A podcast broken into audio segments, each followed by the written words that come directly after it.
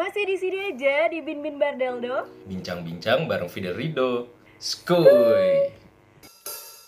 Bincang-bincang Bardeldo Bareng Fidel dan Rido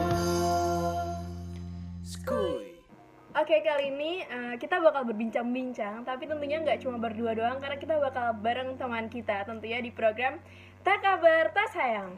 Tanya kabar teman tersayang. Anjay. Yoi. Ya namanya sama temen Del ya. Kita kan saling menyayangi nih. Ada baiknya Betul. lagi di pandemi gini kita tanya kabar lah gimana mereka keadaannya gitu loh. Betul banget, apalagi teman-teman kita yang lagi jauh banget, entah berantah, nggak di Jakarta, nggak di rumahnya, yang jauh-jauh di sana gak sih? Bener banget. Oke, sekarang kita mau kedatangan siapa sih? Coba muncul dulu dong teman kita. Iya, salam salam, ayo. Hai, hai, hai, hai, assalamualaikum semuanya. Waalaikumsalam. Waalaikumsalam. Gila ya, kuliah aja jauh banget ke Amerika ya. Iya. Mat, mat, di sana itu lagi jam berapa, Mat ya? Jam tengah malam, jam setengah satu pagi. Wow, Wow. Dia effort ya buat ngobrol sama kita. Kita harus Bener. memberi tepuk tangan gak sih? Ini iya sebelumnya kita Langsung. berterima kasih dulu nih kepada Matahari. Sama-sama loh. Matt, by the way, eh, lo tuh sekarang udah di Amerika lagi semenjak balik Indo tuh udah berapa lama ya setelah pandemik? Eh, jadi kan awal pandemi tuh Maret ya di sini. Tanggal Mhm. Maret gue udah mulai um, online PJJ. Gue balik ke Indo tuh tanggal 31 kalau nggak salah 31 Maret. Terus sampai tanggal 20 Juni deh kalau nggak salah. Terus uh, 20 Juni gue balik lagi ke sini. Berarti udah dua bulan, dua bulan pas ya. Iya kurang lebih dua bulan pas. Jadi lu di sana sebenarnya pas pandemi ini udah balik ke Indonesia, Mat. Cuma lu memutuskan untuk balik lagi ke sana gitu ya? Iya benar. Jadi pas parah-parahnya di New York, Mm-mm. gue memutuskan untuk balik karena uh, gue apa gue merasa gue nggak bisa melalui ini sendiri karena ini Oh. aneh kayak bener-bener keadaan aneh banget kan. Pas BLM itu ya? Enggak enggak itu gue udah di Jakarta sebulan deh kalau nggak salah. Oh. belum oke. belum BLM jadi tuh em, baru mulai New Yorknya tuh baru mulai lockdown dan segala macam Hmm. jadi tuh kayak karena karena itu eh, gue merasa agak sedikit panik sih ya. Karena kan Hmm. kayak serem aja gitu gitu gak sih? Kayak lockdown dan eh, teman-temannya Makanya lo pulang. iya tapi itu juga gue pulang tuh eh, agak back and forth juga. Kayak pertimbangannya tuh banyak banget. Apalagi waktu itu juga di Jakarta kan baru baru mulai juga kan. Benar-benar. jadi itu pertimbangannya tuh baik banget. Uh, including gue tadinya mau tinggal sama uh, om tante gue dulu Mm-mm. jadi gue gak ke Jakarta tapi gue nggak di New York gitu Oh. cuman uh, satu lain hal akhirnya gue dan keluarga memutuskan untuk ya udah gue balik aja ke Jakarta Hmm. tuh Terus eh, itu prosesnya gimana, Mat? Itu kan awal-awal banget. Terus eh, lo pasti memasuki bandara yang super, eh, gue gak ngerti sih itu penuh dengan covid atau enggak, karena masih awal banget ya. Dan lo tuh deg-degannya tuh gimana gitu lo dari awal ke Amerika tiba di Indonesia waktu itu? gue ada videonya sih nanti gue akan gue share ke kalian ya Wow, mantap. banget. Nanti kita cuplikin di sini ya. gue pas jadi kan eh gue tuh eh, back and forth kan kayak tadi gue bilang tuh balik nggak ya Mhm. Eh, balik nggak ya balik nggak ya terus em, beberapa hari sebelum gue balik tuh gue dap eh, dapet kabar kayak orang Indonesia tuh eh, apa namanya pesawat buat ke Indonesia tuh dari Amerika udah tinggal dikit Wadaw. jadi itu makin panik kan wah kalau misalnya gue nggak balik sekarang gue nggak bisa balik sama sekali Tapi dong. dari pihaknya KBRI sendiri udah ngontak-ngontak lu belum, Mat? kalau kontak di telepon enggak sih Mm-mm. tapi tuh em, Permias Persatuan Mahasiswa Indonesia Mm-mm. em, mereka tuh kan kerja sama sama KBRI KJRI gitu Mm. nah mereka tuh eh, kayak ngedarin survei survei online Oh. kayak kalian tuh sekarang ada di mana eh, terus berencana pulang atau enggak dan Hmm. segala macam dan eh, kedutaan juga nyediain hotline nomor telepon gitu Hmm. Oh. dan gue sempat nelfon pas gue dapat kabar orang Indonesia pesawat pesawat buat balik tuh makin sedikit Hmm. gue tuh telepon mereka dulu kayak mastiin ini benar nggak kabarnya Eh, kalau misalnya Oke. gue mau balik gue eh, bisa keluar dari Amerika lewat kota mana soalnya kan lagi pesawat parah-parahnya ya di sana juga iya ya. pesawat kan limited terus Hmm. jadinya tuh nggak setiap kota punya pesawat punya penerbangan internasional gitulah istilahnya akhirnya kan udah nih balik nih bahkan gue tuh baru beli tiket juga kayak dua tiga hari sebelum pulang deh mepet ya bener-bener semepet itu keputusannya dan em, kebetulan eh, kampus gue tuh ngasih semacam bantuan finansial Hmm. buat em, mahasiswa-mahasiswanya yang terdampak covid ini Oh, bantuan Jadi itu- finansial untuk pulang ke negara masing-masing Iya atau kalau gimana? Kalau gue bilangnya gue butuh bantuan finansial untuk pulang Oh, oke. terus lo dapet uang gitu dari mereka iya gue dapat uang gitu dari mereka tapi enak Um, banget ya Mat ya kayak di Indo tuh nggak ada tuh kayak kasih duit kasih duit kayak gitu bener, kayak bener. kita dapat Ah. masker sama sanitizer aja awal susah banget kan Kita Eh, di kampus kalau masker sama sanitizer juga sama sih di sini Susah juga ya? susah banget pas awal-awal tuh pas yang tek eh, kasus satu sama kasus dua Mhm. ada di New York udah ludes gue bener-bener inget banget gue eh, itu tuh tanggal 10 Maret deh kalau nggak salah. Gue baca di berita nih. Eh, itu jam 10 malam. Eh, gue baca di berita kasus positif pertama terkonfirmasi di New York. Detik itu juga gue langsung pergi keluar ke apa ke kayak Circle K-nya Circle K-nya di sini gitu. Mhm. buat nyari hand sanitizer nggak ada. Masker Kosong. habis bener kosong. Baru itu semua. baru kayak apa fix terkonfirmasinya baru hari itu sebelum sebelumnya kan cuman kabar burung doang gitu loh Iya. Tapi Mat, eh, kalau boleh tahu, kenapa akhirnya lo memutuskan untuk stay di sana? Padahal lo kan sempat di Indo lama, nggak lama sih waktu itu. Maksudnya kayak lo sempat di Indo bareng keluarga lo lagi masa covid gini. Kenapa akhirnya lo memutuskan untuk ya udahlah gue ke Amerika aja? Karena lagi rumit-rumitnya juga kan di sana situasinya. Eh, sebetulnya pertimbangan paling besar itu adalah apartemen gue. Hmm. karena jadi tuh ceritanya gue tuh baru pindah ke sini tuh bulan Februari Februari 1 gue baru pindah ke sini. Uh, sebelumnya tuh gue um, sublet atau jadi tuh temennya bokap gue tuh tinggal di sini dia punya apartemen.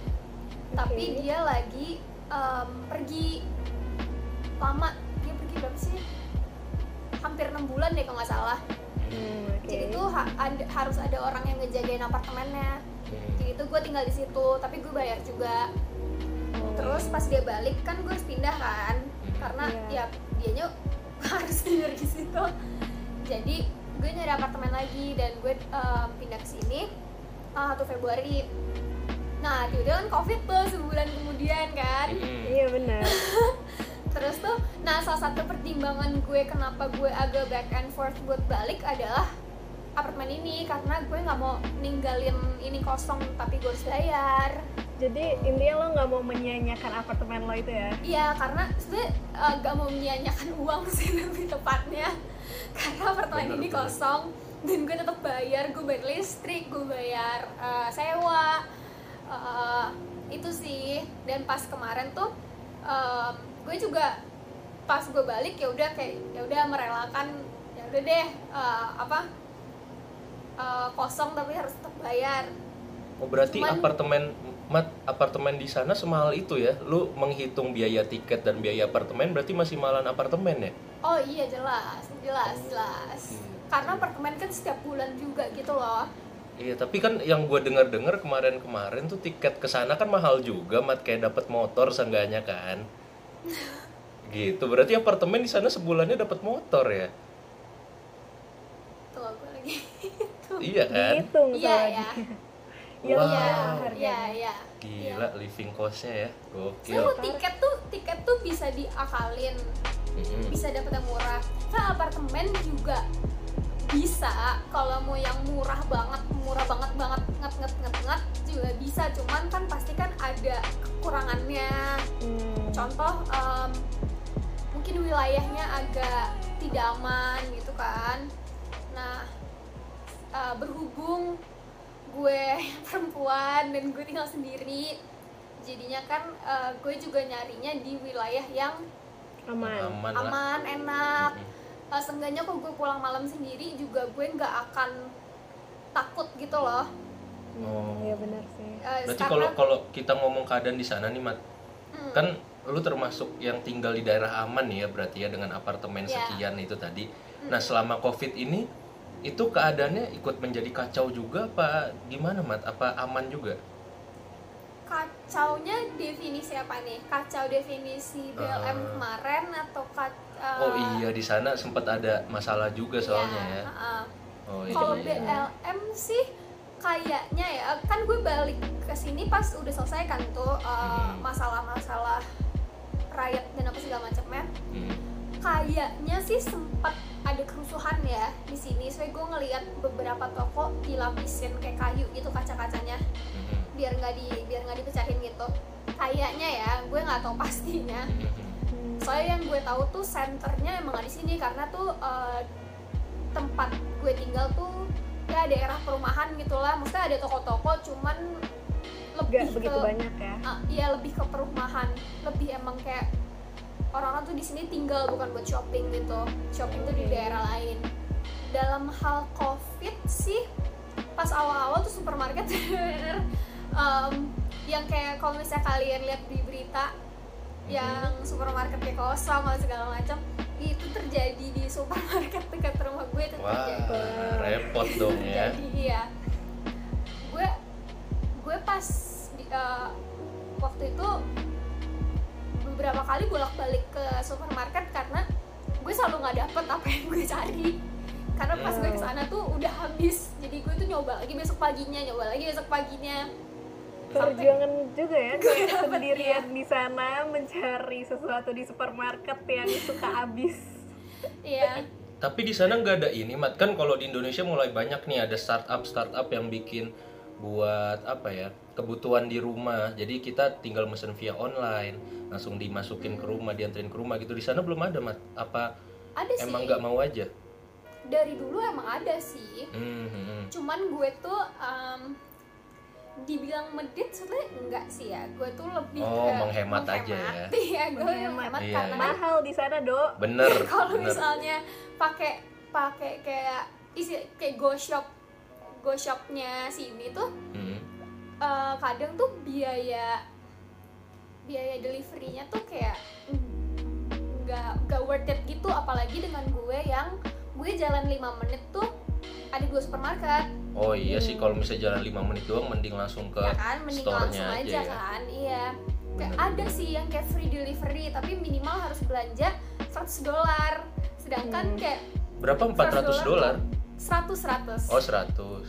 Oke. kayak gue tuh Hmm. lebih eh, gue mikir kayak kalau gue beli barang sampai 100 dolar tuh satu gue mau taruh di mana karena space gue limited dua Hmm, kalau misalnya nggak gue makan kan mubazir kan Hmm, hmm, hmm. terus tuh gue juga mikir kalau misalnya ntar gue tiba-tiba harus pulang gue nggak mungkin meninggalkan kayak daging ayam bener sih telur karena gitu kan? mahasiswa banget nih dok jadi kayak Iya. harus benar-benar memperhitungkan mahasiswa Perhitungan, merantau gue mengerti sih. Iya tapi gini Del soalnya banyak orang-orang yang mau kuliah di luar negeri nih. Mhm. kan mereka pasti mikir eh mending gue kuliah di luar negeri aja ya. Soalnya eh, di pandangan mereka tuh enak nih di luar negeri jauh dari orang tua bisa jalan-jalan. Ternyata nggak juga ya. Enggak juga dok Heeh. Eh, bahkan gue tuh eh, salah satu orang yang mendengar ceritanya Matahari bagaimana dia survive di sana dan eh, beberapa cerita-cerita untuk kayak bisa tinggal di sana dan kuliah di sana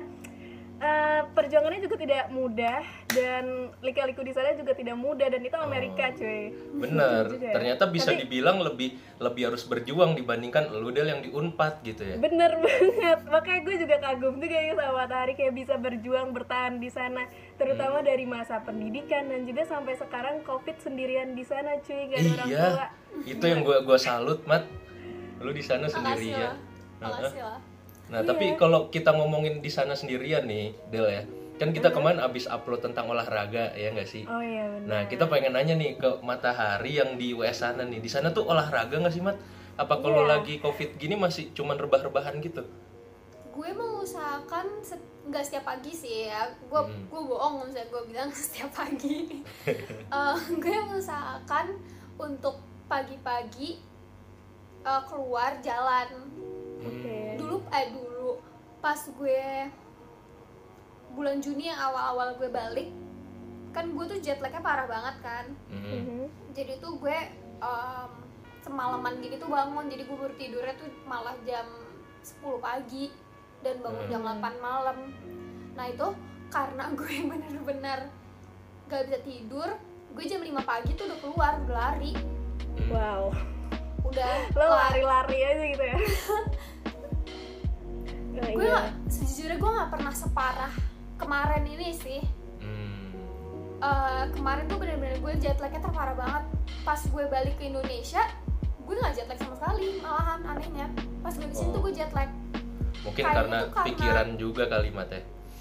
mungkin tapi lagi covid kayaknya juga gak sih kayak lagi serem-seremnya mungkin lah hatinya juga lagi ketar-ketir gak sih Bener. Itu di pesawat pasti dia pakai masker lihat kanan kiri ada yang Ya, batuk nggak gue- gitu ya. gue di pesawat pas gue balik ke Indo gue di pesawat copot masker. Oh. gue di pesawat copot masker. Eh, gue cuma make karena kan itu kan belum wajib kan? Mm-mm. pas gue balik tuh airport apa segala macam tuh emang udah sepi. Cuman tuh belum belum apa namanya? Belum wajib kan? Jadi itu gue make pas gue tidur gue copot hmm, ya. Eh, pas gue di eh, di transit di Tokyo gue di Jakarta gue pakai tapi pas kemarin gue balik ke New York em, full flight gue pakai gue tidur gue pakai eh, apa namanya? Kecuali kecuali makan doang. Bahkan tuh saking eh, paranoidnya nyokap bokap gue gue disuruh upgrade pakai poin untuk Hmm. biar gue nggak kalau di ekonomi kan gue sebelah sebelahan sama orang kan? Iya benar India biar murah tapi biar tetap aman. Karena Hmm. gue satu kotak sendiri ke orang ke orang lainnya tuh bener-bener jauh banget. Sedangkan kalau misalnya ekonomi tuh kan eh, bener sebelah sebelahan banget kan? Iya deketan. Iya jadi tuh sebetulnya terpaksa gue rada sayang juga sih sebetulnya itu sama poin gue. Karena Tapi gue demi- menabung. Tapi Tapi demi keamanan dan keselamatan kenyamanan. keamanan kan keselamatan ya. Dan Iya. uh, gue tetap pakai masker. Kayak bahkan gue masih ada nih uh, dikasih dikasih masker. Sama pesawat tuh dikasih masker dan dikasih uh, apa namanya cleaning cleaning apa? Apa namanya? Berbagai protokol lah ya. Ya itu. Bu, ya, tisu basah tisu basah. Oke. Tisu basah iya. Tapi uh, menurut gue uh, pesawat-pesawat oke banget sih um, protokol ya uh-uh. pas gue balik pa- gue lupa sih pas gue balik tuh mereka kayaknya sih mereka pakai masker dan sarung tangan ya kalau nggak salah ya gue nggak ingat.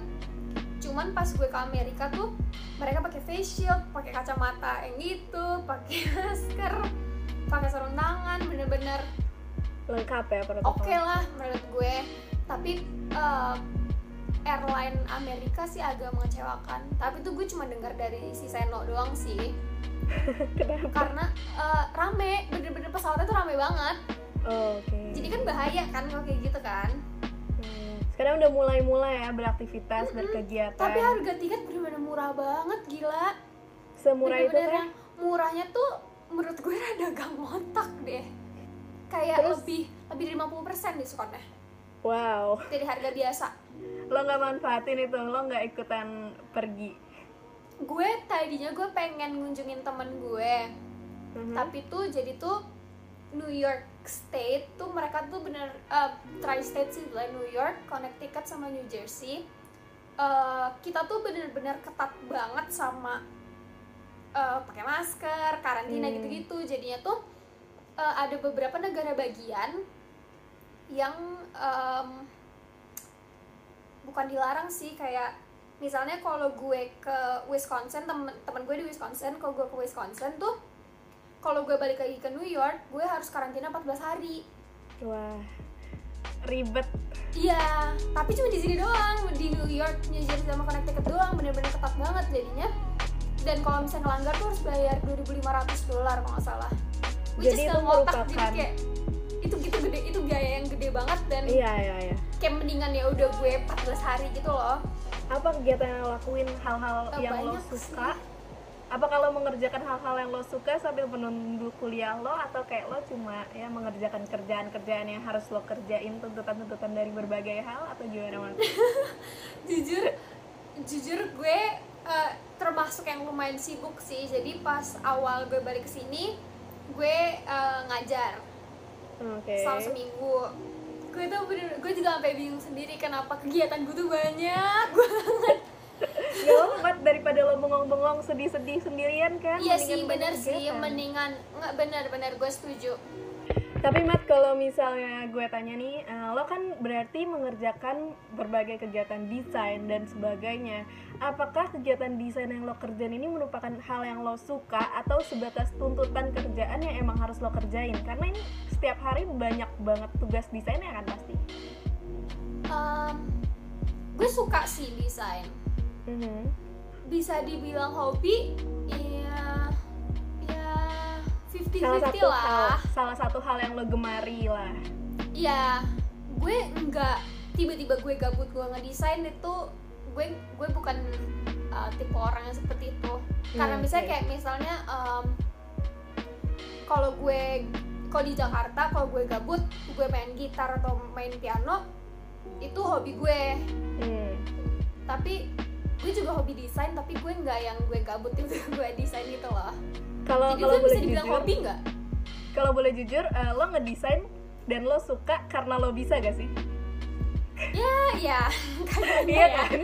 Karena ya. karena lo bisa makanya lo suka kalau misalnya lo nggak bisa lo nggak Iya, bakal iya. suka desain gak sih bener sih Karena bisa bukan orang- jago iya Iya, karena iya. ada orang yang benar-benar kayak karena suka dia benar-benar berusaha keras untuk bisa ngelakuin itu dan Matahari bersyukur banget karena dia udah dapet uh, keberuntungan untuk bisa desain dan dia bisa suka akhirnya gak sih Gila, ini kita bertiga tuh uh, semuanya pernah main band bareng gak sih? Kayak gue pernah main sama Matahari, Iya, Rido pernah main bener. sama Matahari Ingat banget gue masa-masa Iya. dulu, woi kelas main 10 bareng gue sama Fidel kelas 10 gue sama Rido kelas 11 12 gokil sih band ini bener-bener kayak kita semua anak band dan kayak Iya, eh, bener. kehidupan matahari dari band juga mendapat banyak ya mat ya? Oh ya oke. Gila kalau misalnya ngomongin hal-hal yang disuka tuh musik itu emang udah hal yang hobi kita gak sih? Dan sekarang ini banyak banget eh, tuntutan-tuntutan kerja ke- pekerjaan yang bikin kita sendiri juga mikir kayak sebenarnya tuh yang kita sukain itu apa sih? Dan ternyata ya musik masih tetap kita suka gak sih? Iya, Sekedar iya, hobi ya? gue setuju sih. Sebetulnya gue tuh sempat tertarik, tertarik untuk kuliah uh, musik production. Hmm oke. Karena Terus? jadi tuh um, sebetulnya ini alasannya receh banget sih karena gue ngeliat Charlie Puth. Oke, Jadi pas gue awal-awal pindah ke sini tuh uh, gue suka ngeliatin kayak Charlie Puth uh, klip-klip Charlie Puth di YouTube kayak behind the Hmm. scene-nya kayak pas dia proses bikin lagu. Jadi kan dia dia tuh benar-benar semuanya sendiri pakai MIDI dia. Iya, terus dia iya. bikin sendiri kan itu dia produserin sendiri. Nah terus pas gue uh, cari tahu lebih dalam dia tuh ternyata lulusan uh, Berkeley. Berkeley College of Music di Boston. Nah itu tuh salah satu uh, sekolah musik yang prestigious lah.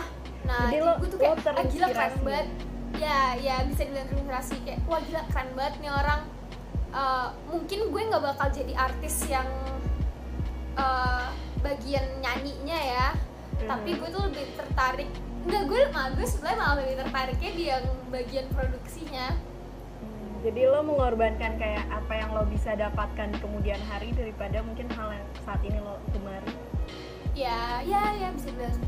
Selalu begitu ya hidup lo. Kayak lebih mengorbankan hal-hal yang kita suka untuk hal-hal yang lebih berguna.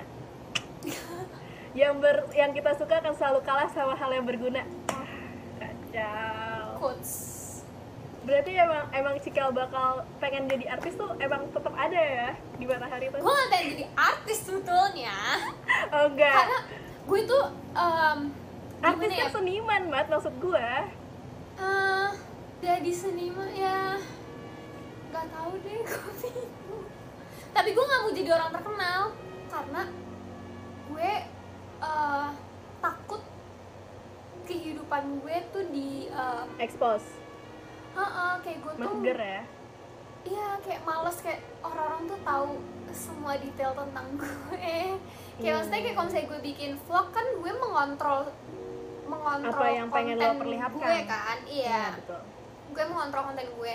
Kalau misalnya gue terkenal yang kayak level um, Aukarin lah misalnya, kan orang-orang kan kan memusik segala macam kayak masa lalu dia, dia gerak dikit juga orang tahu. Udah nggak kesortir ya? Iya nah gue tuh gak mau kayak selebgram gitu gue gak mau. Mager mager. Dan satu hal yang gue takut adalah uh, gue uh, ya itu sebenarnya nyambung sih balik lagi ke gak punya privacy karena misalnya kayak gue ngebayangin aja loh jadi misalnya contoh kayak jadi Harry Styles gitu. Pas dia di New York ya sebenarnya ini salah contohnya karena gue juga mencari dia. Karena ini ah, yang lo suka gak sih mas? Iya, cuman itu itu kan contohnya kayak bener-bener tuh dia tuh di stalk semua orang, dia tuh nggak bisa hidup dengan tenang. mengagumi dikit lah. Nah, gue tuh kayaknya tuh gue tipe orang yang nggak bisa nice gitu loh. Gue tuh bisa kalau misalnya misalnya eh, gue membayangkan ya, em, gue misalnya gue terkenal nih, terus gue lagi jalan di PIM, anjay. Eh, kakak matahari ya gitu? mungkin mungkin kayak orang pertama orang kedua orang ketiga yang nyamperin gue gue masih welcome gitu ya. Kayak oh iya oke. Kayak misalnya mau foto oh iya oke cuman lama-lama tuh orang ke 10, 11, 12, 13 tuh kayaknya tuh gue bakal gampang bete. Dan gue tuh takut kebayang aja kebayang. takut aja tuh gak sengaja snap eh, marahin orang kayak aduh gue tuh capek banget lo ngapain sih minta foto sama gue? Nah gue tuh takut kayak gitu. Udah bayangin sampai sana Gue tuh- dia. gue tuh mungkin banget kayak gitu soalnya. Gue mungkin banget kayak gitu. Tapi tapi kebayang banget sih tapi di Jakarta tuh bocah-bocah seumuran SMP, SMA awal-awal tuh juga masih kayak gitu dok, masih bener yang kayak Iya fans Ya, fans kayak ngejar-ngejar. fans fans selebgram gitu kayak gitu gak sih? Iya, kayak mungkin lo waktu itu artis ACP mungkin juga sempat dimintain foto kali kalau ketemu mungkin, iya gak? Gue waktu itu pernah Emir Mahira sih, tapi Emir Mahira kan artis ya. Oh, Gue di PIM kayak Oh sih- Saputra Gila Nikola Saputra mix up. Gue tuh dari kecil, aduh ini Ganteng banget rada, sih rada memalukan sih Jadi tuh gue tuh dari Gue pas gue kecil Mhm. um, gue tuh sering nginep di rumah adiknya kakek gue karena deket Mhm. banget sama rumah gue terus tuh uh, dia suka masang ADC uh, Oke, kayak makanya VCD makanya ADC keracunan gitu ya. terus tuh gue tuh dulu minta dipanggil cinta karena gue tuh obsesi banget terus bokap gue tuh Rangga. Karena dia satu-satunya cowok di keluarga gue. Jadi tuh Oke. gue gue pernah ke Hero sama mbak gue sama suster gue sama bokap gue. Terus gue kayak di troli yang duduk di troli itu lo tau kan? Terus gue tuh manggil bokap gue Rangga Rangga gitu. Hero. Ya Allah. Oh, aneh banget kayak gue tuh minta, minta dipanggil cinta. Terus tuh Gak bisa dulu bokap gue. gue pernah bikin iklan Panasonic kalau nggak salah sama Dian Sastro terus gue Mhm. gue tuh datengin ke tempat syutingnya buat foto sama Dian Sastro gue di pangku Dian Sastro terus tuh setelah Cinta itu di pangku cinta ya. iya kayaknya gue tuh ngomong deh sama dia kayak gue dipanggil cinta ya Allah malu banget sih kayak cinta aduh Ya udah lama kita sama-sama menanti covid ini berakhir. Siapa tahu nanti kita bisa jalan-jalan. Siapa tahu nggak ada yang tahu gue susulin lo ke sana. Kan nggak ada yang tahu ya. iya.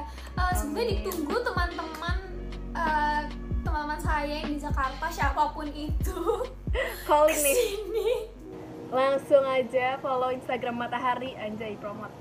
matahari A nya mata H A nya 2 R nya 2 I agak susah nanti dia diketik saja ya karena susah ya oke Namanya agak ribet.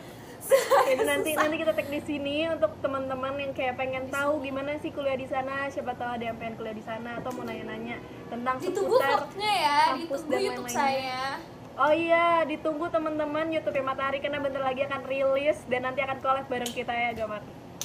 Iya. Topiknya apa ya? Ntar ngomongin lagi deh. Nanti kita omongin lagi. Oke guys, thank you banget Matahari udah mau ngobrol di sini. Perbincangan you, yang kurang kalian. berfaedah, yang lama juga ya. Gak kerasa sih jujur, bosan. gila setengah habis, seru habis.